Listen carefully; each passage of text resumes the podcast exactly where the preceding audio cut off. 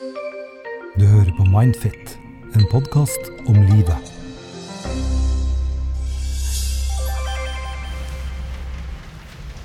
På en måte så syns jeg det er fint å høre regnet. Det skjønner jeg. Det er koselig når du sitter inne. Ja, det er det. Eh, Vi sitter jo inne på loftet, og det er da Mindfit du hører på. Det er program nummer 68, og du heter Janne, og jeg heter Nils. Janne er utdannet psykolog.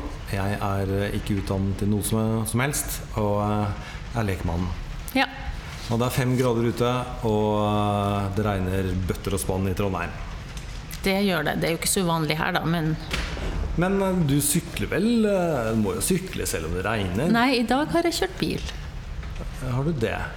Det er egentlig veldig deilig av og til for sånne som meg som sykler. Ja. Kunne få lov å være som andre. Ja, jeg går. Kjør bil. Og I går var jeg ute og gikk tur, og da plutselig var det opphold, og så plutselig så tordna det, og så bøtta det ned, og Ja. ble føltes som det var fem grader kaldere. Ja. Det var helt insane kaldt. Men uh, sommeren kommer i juni, uh, sies det. Jeg leste også at Vømmølfestivalen holder på å bli eh, avspilt med Nysnø, så det er eh, spesielt dette Ja. her. ja. Vi har to spørsmål som vanlig, og um, vi tar og gønner på med det første. Da leser jeg. Hei, jeg er en eh, kvinne på 21 år som selv utdanner meg til å bli psykolog, og er lidenskapelig opptatt av yrkesvalget mitt, men har en del med i bagasjen. Min mor, som for øvrig har oppdratt meg alene, har bipolar eh, lidelse. Og dette har gjennom oppveksten jeg, har jeg merket det på kroppen. Selv har jeg hatt ganske kraftig bulimi i syv år, og har også blitt diagnostisert med depresjon. Jeg gikk i behandling for dette da jeg startet å studere, og har vært ett år frisk nå.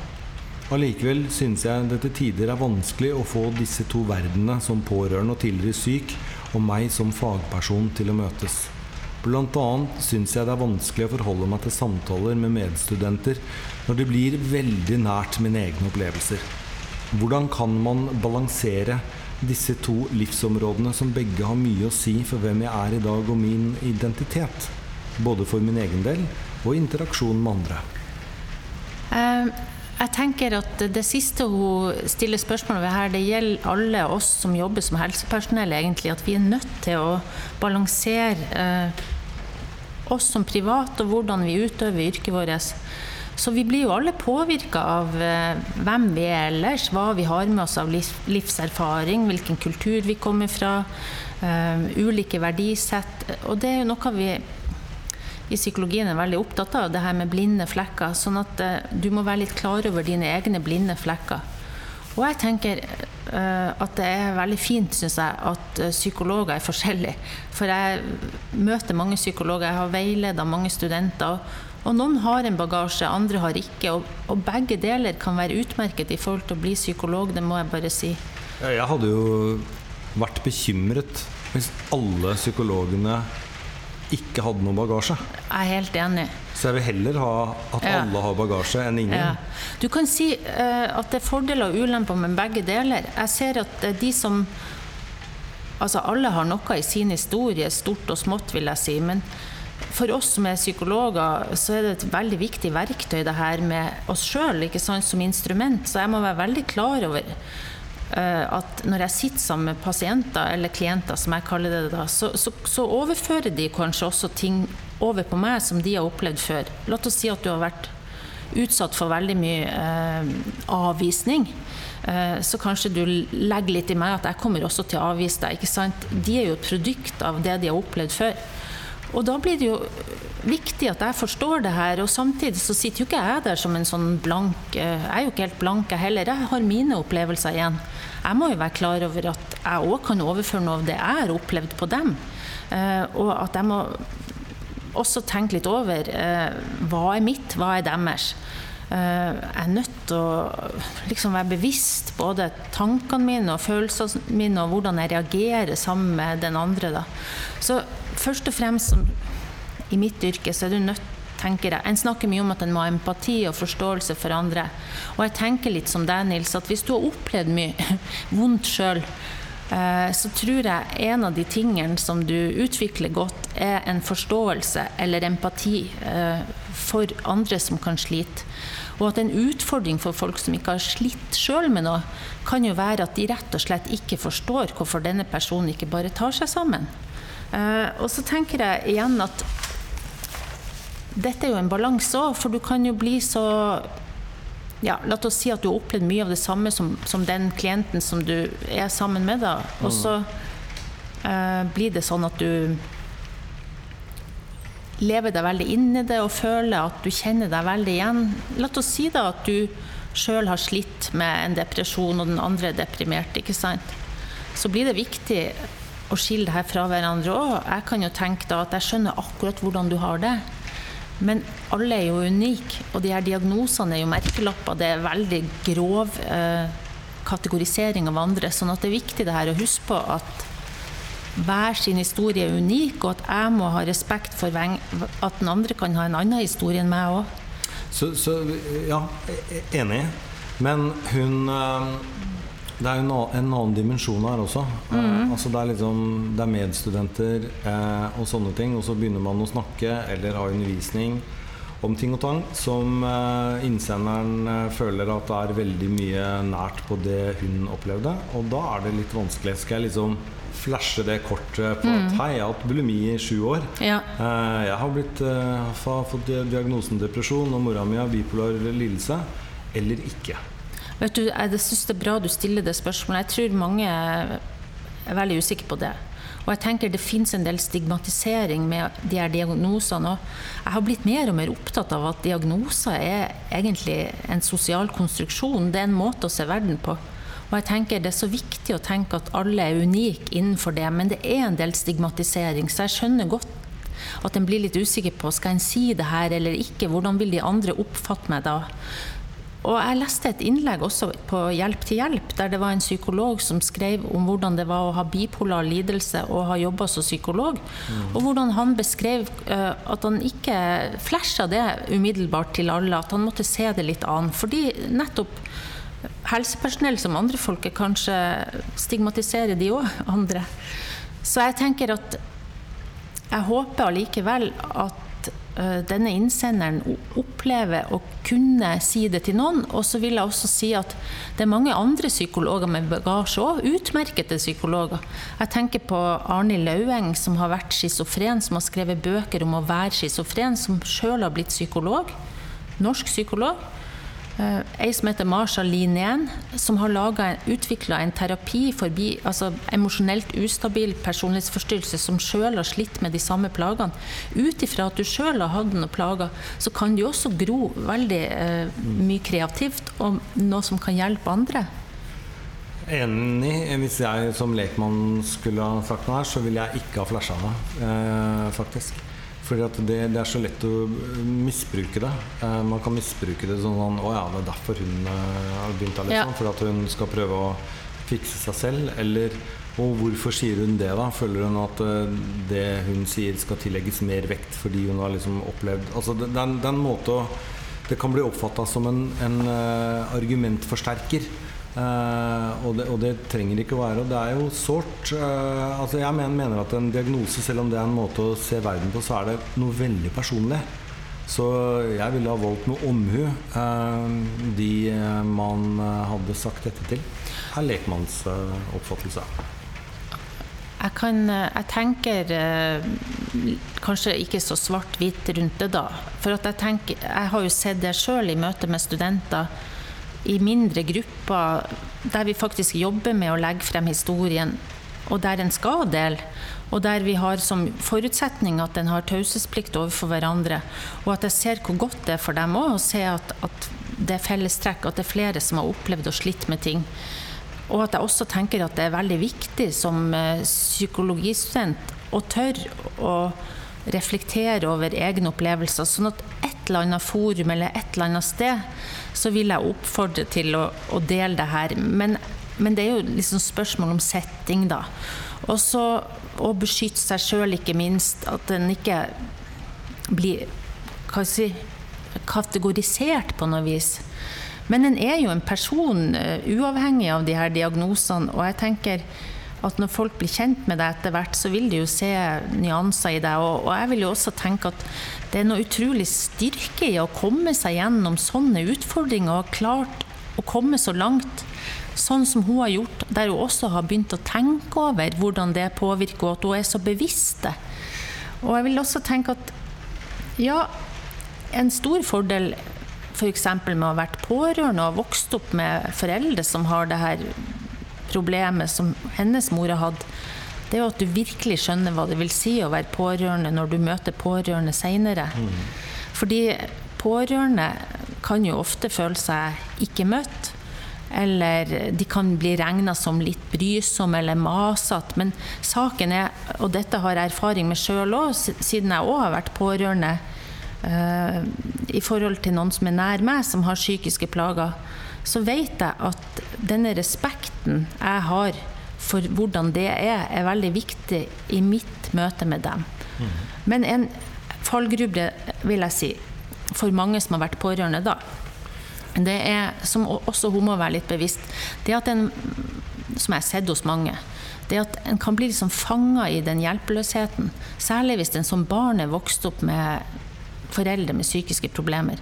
Så er en vant til å holde ut. Og også oppleve veldig mye at det er ikke så mye jeg kan gjøre fra eller til med dette problemet. Det kan være en utfordring i behandling når du møter folk som sjøl føler seg hjelpeløse. Du må være veldig klar over at deres hjelpeløshet ikke nødvendigvis er det samme som din, og at du må jobbe med din egen hjelpeløshet, sånn at du kommer litt ut av den tilstanden når du skal hjelpe andre. Det er vel en av de tingene som kan være en utfordring. Men igjen, eh, mange fordeler òg, vil jeg tenke. Og særlig på respektsida, tror jeg. Ja. Vil, det er kanskje ikke sånn uh, for alle spørsmålene vi tar opp, men akkurat på dette spørsmålet så ville jeg vel anbefalt å hørt på psykologen og ikke på lekmannen, uh, tror jeg. Ja. Jo da, men det er et poeng, som du sier, at det her med å bli stigmatisert og det å flashe, eller si til alle at en har de her plagene jeg tror en skal få lov å passe seg litt, eller passe seg for å Men, ja. men jeg oppfatter deg riktig hvis jeg sier at eh, Eller jeg forsto deg slik at eh, i en del psykologistudium så ja. er, det, eh, er, det, noen sånne sessions hvor man ja. skal på en måte gi en selvangivelse, og det er taushetsplikt. Ja, altså, og da er det nødt og da er det viktig. Da er det viktig å gjøre det.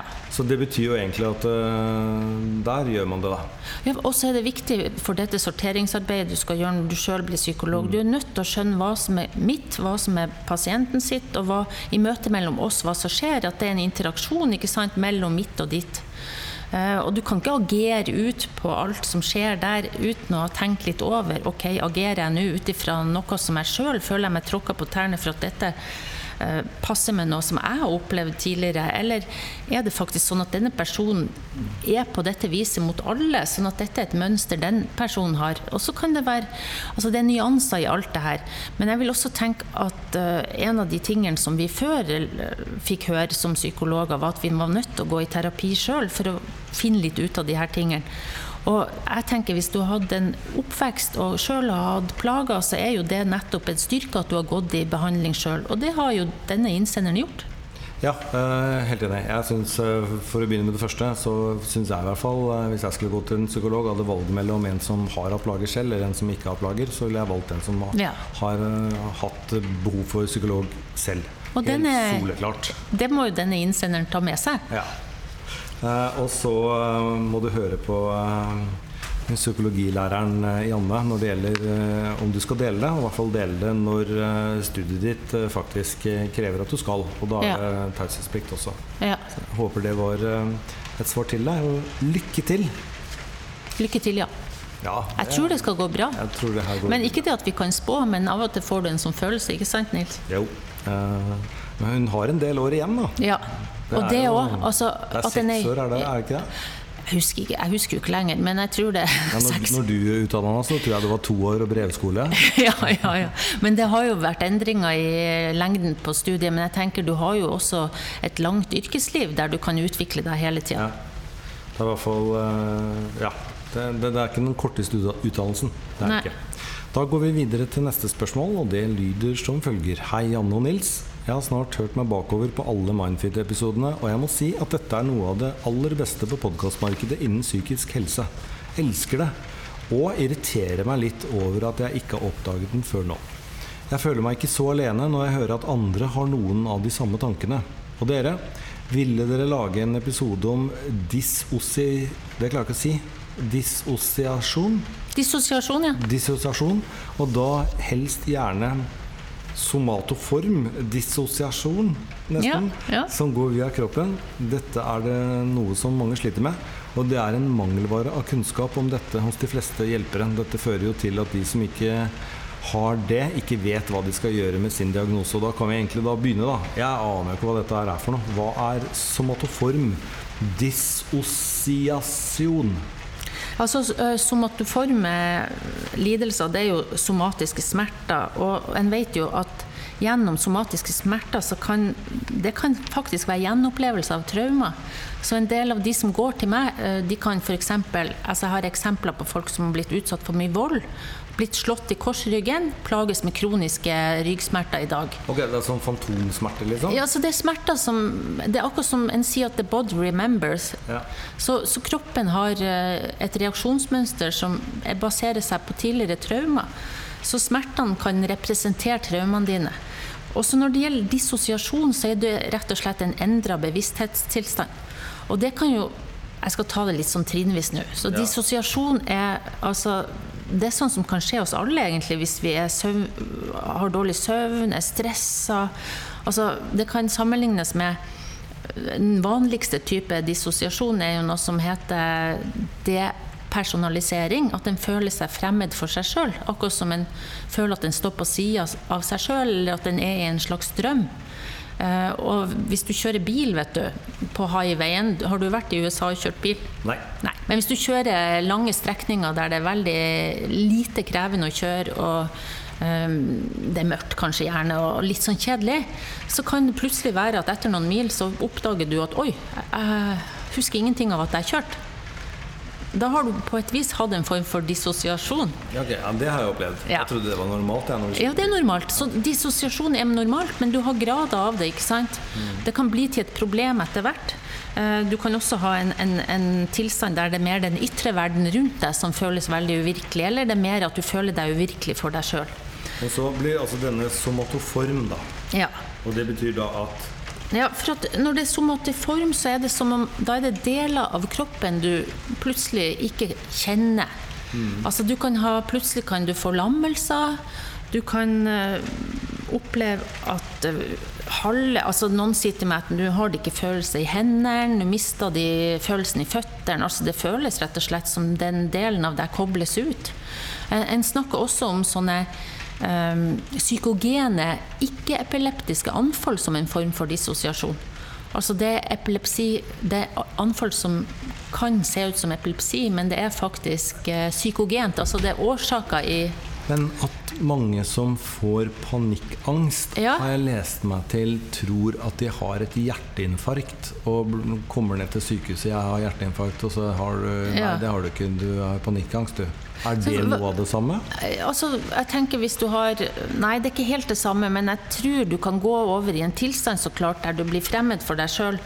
Også når du er under ekstremt stress ved panikkangst, så kan du få noen dissosiasjonssymptomer, men det er ikke helt det samme. Så, men, men Men dette er det mange, mange som, eh, som, som sliter med. Ja, altså fordi som sagt, det er grad av det, og jeg kjenner jo best folk som har vært utsatt for traumer. Og der ser du jo ofte en kobling mellom hva de har opplevd før, og de her reaksjonene de har da. Også fordi disse reaksjonene oppsto gjerne i forbindelse med de her traumene. La oss si at du har vært utsatt for eh, seksuelle overgrep. altså Under overgrepet så er jo det såpass overveldende for, for deg at du kobler ut bevisstheten. Så det er mange som forteller meg at da føles det som om de forlot kroppen, at de svever opp i taket, rett og slett. Og så etterpå, altså når dette har skjedd, så, så er det jo akkurat som Da klarer du ikke huske eh, hendelsen like godt. Den blir liksom den blir eh, rett og slett koda inn på en annen måte i hukommelsen din og føles mer fragmentert i nåtid, da, når du skal prøve å gjengi hva som skjedde. Og du kan også, hvis du blir utsatt for mange sånne hendelser, så kan du også oppleve at du får en veldig sånn uh, skille mellom din daglig, daglige bevissthet og din traume, traumebaserte bevissthet. Det vil si at i det daglige, altså For å fungere i det daglige etter å ha vært utsatt for et overgrep, så må du jo legge dette som har skjedd, bort på et vis. Sånn at denne traumebaserte bevisstheten den kommer jo bare mer frem når du blir trigga. Ikke sant? Lyder, øh, bevegelser, øh, lukt. Ting som på et vis setter i gang en reaksjon hos deg. Men mest av alt i det daglige så virker du kanskje litt upåfallende i forhold til det her. Og, og noen kan også, det kan bli så delt opp at, at du får på et vis eh, en del som er velfungerende. Eh, en del av deg er veldig sårbar. sårbar altså, Du blir nesten spalta på en måte. ja, altså Du får en sårbar del. Det er jo den delen som husker eh, dette traumet, og som er redd og lei seg eh, og fortviler over det som har skjedd. Samtidig, så for å overleve det her, så må du ha en del som tar kontroll på et måte. Så den identifiserer seg litt mer med det her med å ta deg sammen. Men det er jo veldig forståelig, da. Det er en Ja. overlevelses overlevelsesmekanisme. altså, Helt, hvis du skal liksom, leve det traumet Ja, der, da, ja. det går jo ikke. Så har du en daglig altså dagliglivets bevissthet, og så har du det her sårbare barnet, og så har du den kontrollerende delen. Og så blir det en slags konflikt inni deg hele tida, ut ifra uh, hva er det til enhver tid som trigger det ene eller det andre. Så det er klart, det føles veldig sånn splitta i deg sjøl. Men eh, som sagt, dette går det absolutt an å få hjelp med, og jeg har lyst til å komme med en liten gladhistorie her. Ja. Jeg har, eh, jeg har jo jobba på noe som heter REFT, regional enhet for traumelidelser her i Trondheim. ja. Nå nylig så var det et intervju med en pa pasient som har gått der. Hun heter Katrine Næss, og hun har gått der til en kollega av meg som heter Trude Auren. Det var et veldig flott intervju. Og det fant jeg på nettsida til Landsforeningen mot seksuelle overgrep. Hun her Katrine forteller at hun hadde lammelser og hadde sånne ikke, altså psykogene, ikke-epileptiske anfall. Hun var sterkt plaga med det. Hun forteller hvordan øh, hun gjennom denne behandlinga som foregikk i fire og et halvt år, har gått fra å være ufør til å begynne å jobbe. Eh, og hun, Psykologen forteller litt hvordan hun har tenkt, og det syns jeg var så utrolig fint. For her må du tenke flere ting. Du kan ikke bare tenke traumebearbeiding. Fordi det her var jo i utgangspunktet her Katrine Næss hadde dårlig erfaring med psykisk helsevern, så hun var skeptisk, så de måtte bruke lang tid på å få en god relasjon til hverandre. Um, I tillegg til det så, så var hun, eller er hun Trude Auren, opp, hun er opptatt av det her med, med symptomet sitt funksjon, ikke sant? I dette tilfellet så er det jo sånn at disse lammelsene og disse uh, epile, ikke-epileptiske anfallene, altså i hvilke situasjoner oppstår det, hva trigger det? Du må begynne å finne en mening mellom symptomene dine og det som du faktisk har opplevd, eller det i nåtid som trigger noe av det gamle du har opplevd før. Så hun hjalp henne med det her. Og de jobba med stabilisering, uh, og det er litt viktig poeng òg. Stabilisering vil si at du klarer å holde deg her og nå. Altså Når du går over i en sånn dissosiativ tilstand, så mister du jo litt kontakten med virkeligheten her og nå. Så det å jobbe med å holde seg her og klare å orientere seg i tid og sted her, det finnes teknikker for det.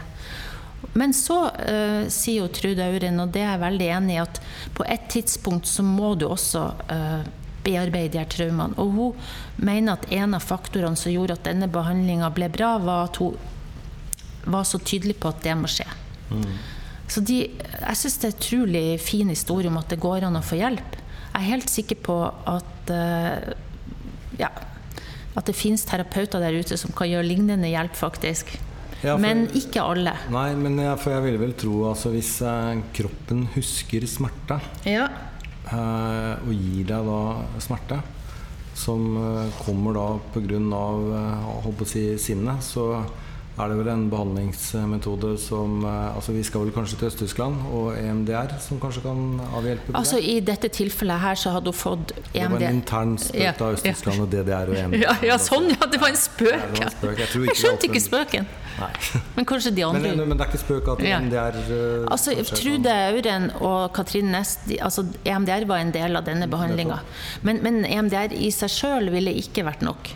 Eh, hun fikk også kognitiv terapi, og det, det jeg tror de jobba med da, var jo nettopp det her med å, å også få litt sånn bevissthet rundt hva som skjer i disse situasjonene. Men jeg bare, bare tenker på at Der det eh, utløses anfall. Ja, at liksom, sånn som jeg har forstått det, da. Vi har Ja. snakket om MDR en god del ganger. Ja. Men det er på en måte at eh, Altså det handler jo litt om å forløse det som ikke har et språk. Altså det som er Ja. inni kroppen. Ja. Det er egentlig en, en måte å bearbeide på som er opptatt av hele opplevelsen, men, men en bit av det er jo også at, at ikke alt har blitt satt ord til. Nettopp. Sånn at eh, det å få bearbeida også det som er ikke verbalisert, kan du si. Men du må jo få plassert det i tid og rom. Du må få en følelse av at dette gir mening i forhold til det du faktisk har opplevd, og så må du kjenne at dette er noe som hører fortida til. Så det, det er en ganske spennende måte å jobbe på. Eh, Men, men, og så må vi si tusen takk for skryt. ja, det må vi si. Det glemte vi nå i farta. Ja, da virker vi jo litt plassert. Kan jeg også si noe om For at det er jo ikke alle som trenger så lang tid i behandling, men det jeg ser nå For nå har jo psykisk helsevern blitt veldig effektivisert. Og da er jeg jo liksom redd for at dette å gi langtidsbehandling for de som trenger det, også skal forsvinne. For her var jo en pasient som virkelig trengte det, og nyttiggjorde seg det. Altså Katrine Næss. Så vil jeg tenke i andre tilfeller igjen, for det må vi være åpne for, så kan du få til ting mye fortere og mer intensivt. Men jeg tror eh, for de som har sånne somatoforme lidelser, så er det en, en litt lengre vei noen ganger. For at eh, kroppen har så sterkt reaksjonsmønster, ikke sant. Bare det å få en mening til det vil ta tid. Og så det å få liksom avdekka kanskje forbindelsen med ting som har skjedd før. Det kan være vanskelig å få det opp i dagen. Sånn at dette er jo behandlinger som ikke alltid kan gå så kjapt som kanskje psykisk helsevern legger opp til at det meste av behandling skal skje i dag, da. Ja, nettopp. Men da fikk vi jo snakket litt om det, og jeg jo, er jo glad for at du benevner det som somatoforme lidelser, så man slipper dette monsteret av et ord som kommer etterpå. Dissosiasjon. Det er noen enkeltord jeg bare ikke klarer å si. Og det er ikke mange av dem, men det er altså ett. Ja. Men eh, endret bevissthetstilstand, da. Det gjør jo, altså Dissosiasjon gjør jo noe med både det gjør jo noe med hukommelsen din òg, det skjønner du. Oppmerksomheten din òg. Altså, du klarer ikke være helt til stede her og nå. Og det gjør noe med identiteten din, så klart, når du opplever verden så oppdelt eh, mange ganger som det en gjør hvis en dissosierer mye. Og med det, da sier vi eh, takk for denne gang. Vi håper at eh, neste gang vi eh, snakker, så er det ikke regn på ruta. Da håper vi at jeg kan sykle. Det gjør vi, og da kan vi også gi dere en update på måkefamilien som er ut, utafor her. Det er jo tredje året de er der, og vi mater dem jo. Ja, det syns jeg er koselig. Ja, Så nå er det jo full rugings. og Snart blir det måsunger. snart blir det måsunger. I fjor var det tre, Ja. så det blir spennende å følge med. Neste gang skal vi snakke om eh, da, Vi må begynne å ta Vi har fått en del samlivsspørsmål, Ja. eh, og det har vi tenkt å ta neste gang. Da blir det samlivsspesial. Vi lover det, altså. Ja. Ja. Ok, ha det bra da. Ha det.